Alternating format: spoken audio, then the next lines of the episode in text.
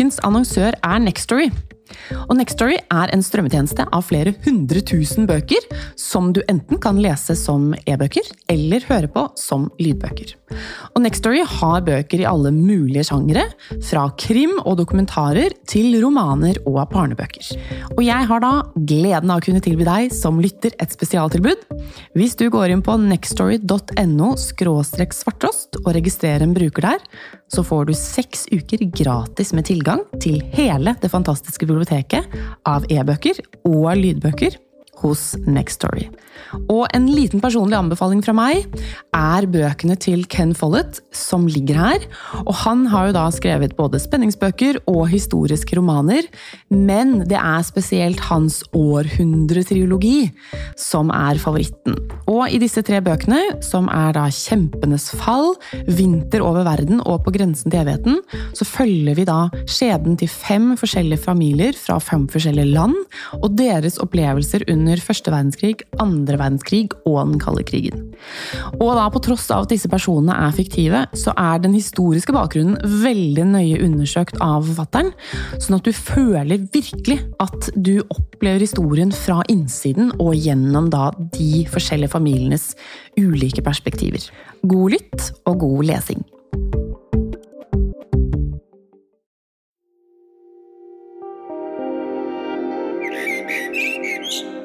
Bjørn Olav, ankesaken mot Jonny Vassbakk er i gang, der han nok en gang står tiltalt for drapet på Birgitte Tengs, og du drar straks til Stavanger for å følge den. Og Vassbakk han ble jo dømt i første runde i retten. Hva forventer du at skjer i rettssaken nå? Det skal jo være en helt ny rettsrunde, eh, hvor de samme bevisene skal legges frem på nytt. Eh, og en full rettsbehandling, altså den skal pågå i seks-syv uker. og det vil jo da naturligvis være mye av det samme som allerede har vært. Eh, det er jo noe som er nytt, og det er jo at eh, forsvarerne har jo bedt om å få gjort en undersøkelse av et avtrykk på Birgittes strømpebukse, det som ser ut som et håndavtrykk, eh, og der er det hentet inn DNA-analyser av det. Ellers er det noe annet som er helt nytt, og det er jo at Eller som er helt annerledes, og det er at Birgittes fetter han skal ikke vitne denne gangen. Hvorfor ikke? Nei, altså forsvarerne har ikke kalt ham inn, eh, og det tenker jeg handler mye om at eh, Jeg tenker at forsvarerne i forrige runde gjorde mye bra jobb for Jonny Vassbakk, men eh, at det ikke falt så heldig ut at de dro fetteren inn i vitneboksen. Altså, de var veldig opptatt av at han ikke hadde noe med det å gjøre, men likevel så kastet de ganske mye mistanke over ham og denne falske tilståelsen som han i sin tid kom med. Den ble jo lest opp flere ganger, og det Jeg vil jo si at det falt veldig på stengrunn. Eh, at det egentlig var Kanskje var det sånn ålreit for fetteren i det lange løpet at han faktisk fikk komme og, og si sitt og, og, sette et punktum der, da. Eh, for det ser ut til å være punktumet, da. Det, han blir jo ikke kalt inn nå. Du nevnte at det kommer nye DNA-prøver som skal legges fram. Når blir det? Ja, jo, det er spennende, for det legges frem eh, De er til analyse nå, eh, men de sier at det skal være klart til uke fire når DNA-ekspertene kommer for å vitne i retten. Hva er det du ser mest frem til, du, da, i den runden her? Eh, jeg ser mest frem til eh, Jonny Vassbakks egen forklaring. Eh, jeg var jo til stede ganske mange dager i forrige rettsrunde, og jeg syns jo noe av det mest spennende den gangen var jo å høre ham selv forklare seg. Og det er interessant, den utspørringen som aktoratet hadde av ham forrige gang, og de opplysningene han den gangen kom med, blant annet at han skal ha plukket opp en jente som lignet veldig på Birgitte, ikke sant, som, som kunne ha vært henne. Så det blir veldig interessant å følge hva er det han sier denne gangen kontra hva han sa forrige gang, da. Um, så det er jo Det tenker jeg også at uh, aktoratet ville ha veldig sånn argusøyne på, da. Ikke sant? Se om det er noen avvik i forklaringen hans, eller om denne er konsistent, da. Jeg tenker jo at uh, nå fikk man en dom i første runde hvor det måtte staves ut hva han er dømt på bakgrunn av. Og da gir jo det et slags veikart for Forsvaret hvor de skal legge inn trykket, hvor de skal prøve å skape usikkerhet. Mm. Så, så, det blir jo spennende å se uh, hvorvidt de klarer det, da.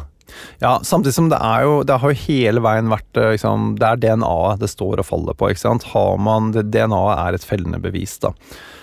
har man, hadde man ikke hatt det Johnny Vassbakks DNA på strømpebuksen til Birgitte Tengs, så, så hadde han ikke vært dømt.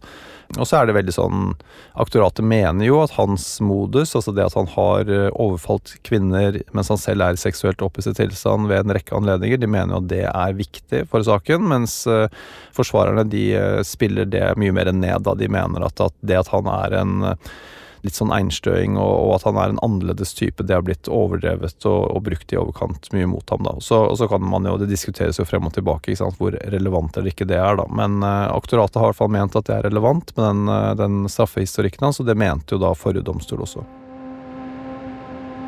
I neste uke setter vi oss altså ned sammen for å gå gjennom din opplevelse av rettssaken så langt, og hva det blir viktig å følge med på framover. Og hvis du som hører på i mellomtiden har lyst til å høre deg opp på Tenk-saken, og hva som egentlig skjedde der, så laga vi en serie om det i fjor, Bjørn Olav. Mm. Den heter eh, Tabben i Tenk-saken, og du finner den her i svarttrostdukk. Og da er det bare å bla seg litt nedover der, så ligger de første fem episodene nå åpna opp for alle.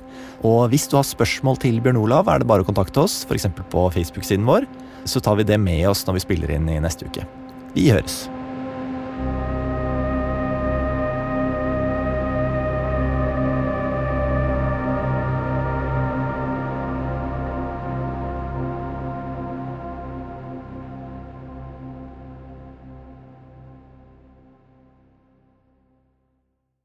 Resten av denne serien er eksklusiv for abonnentene våre. Du kan bli abonnent ved å søke opp Svarttrost Dukk i podkastspilleren til Apple eller i Spotify. Hos Apple så kan du trykke på abonner-knappen i appen, mens i Spotify så kan du følge lenka i episodebeskrivelsen. Og hvis du har spørsmål, så finner du oss i Svarttrost på Facebook og Instagram. Har du et enkeltpersonforetak eller en liten bedrift? Da er du kanskje en av de som gruer seg til næringsoppgave og årsregnskap hvert år? Tenk så deilig det hadde vært om du kunne trykke på en knapp, og så var du ferdig. Med fiken kan du det. Trykk på knappen, så sender vi det som trengs rett til Altinn for deg. Gjør som over 70 000 andre, ta regnskapet selv med fiken. Prøv gratis på fiken.no.